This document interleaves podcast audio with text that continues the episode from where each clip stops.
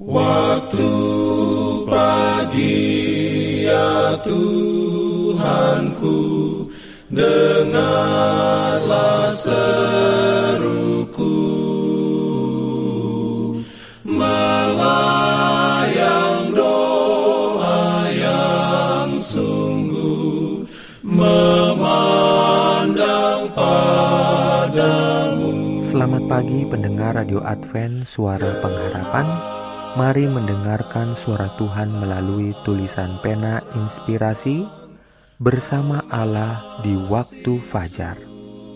Renungan harian 12 Februari dengan judul Dia mengingat bahwa kita adalah debu. Ayat inti diambil dari Mazmur 103 ayat 13 dan 14. Firman Tuhan berbunyi, seperti Bapa sayang kepada anak-anaknya, demikian Tuhan sayang kepada orang-orang yang takut akan Dia. Sebab Dia sendiri tahu apa kita. Dia ingat bahwa kita ini debu.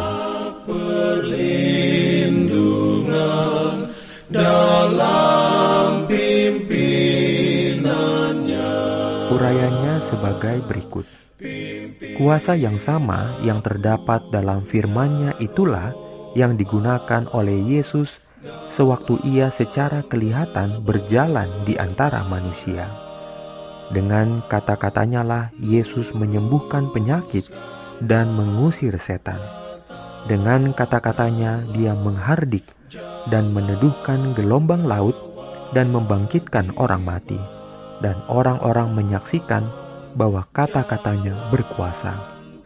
Ia mengucapkan kata-kata Allah sebagaimana ia berbicara kepada semua nabi dan guru dalam Perjanjian Lama.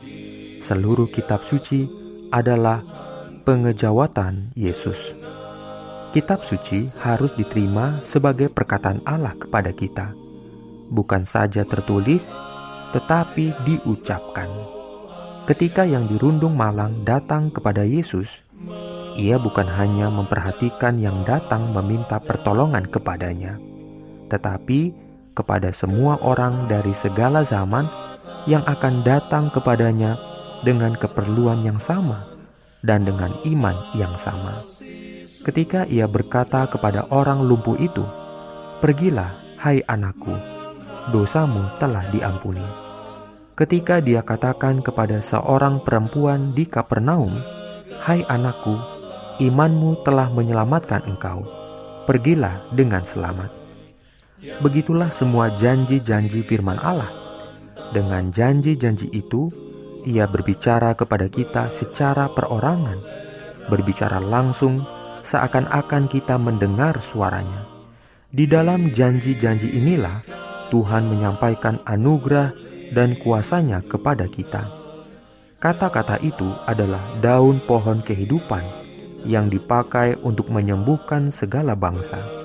Kata-kata itu, kalau diterima dan diasimilasikan, akan menjadi kekuatan tabiat, sumber ilham, dan ketahanan hidup. Tidak ada lain yang dapat memberi semangat dan iman yang memberikan kekuatan hidup kepada seluruh tubuh. Amin. Pimpin aku ya Roh dalam Jangan lupa untuk melanjutkan bacaan Alkitab sedunia. Percayalah kepada nabi-nabinya yang untuk hari ini melanjutkan dari buku Kejadian pasal 30. Selamat sabat dan selamat berbakti. Tuhan memberkati kita semua. Jalan ke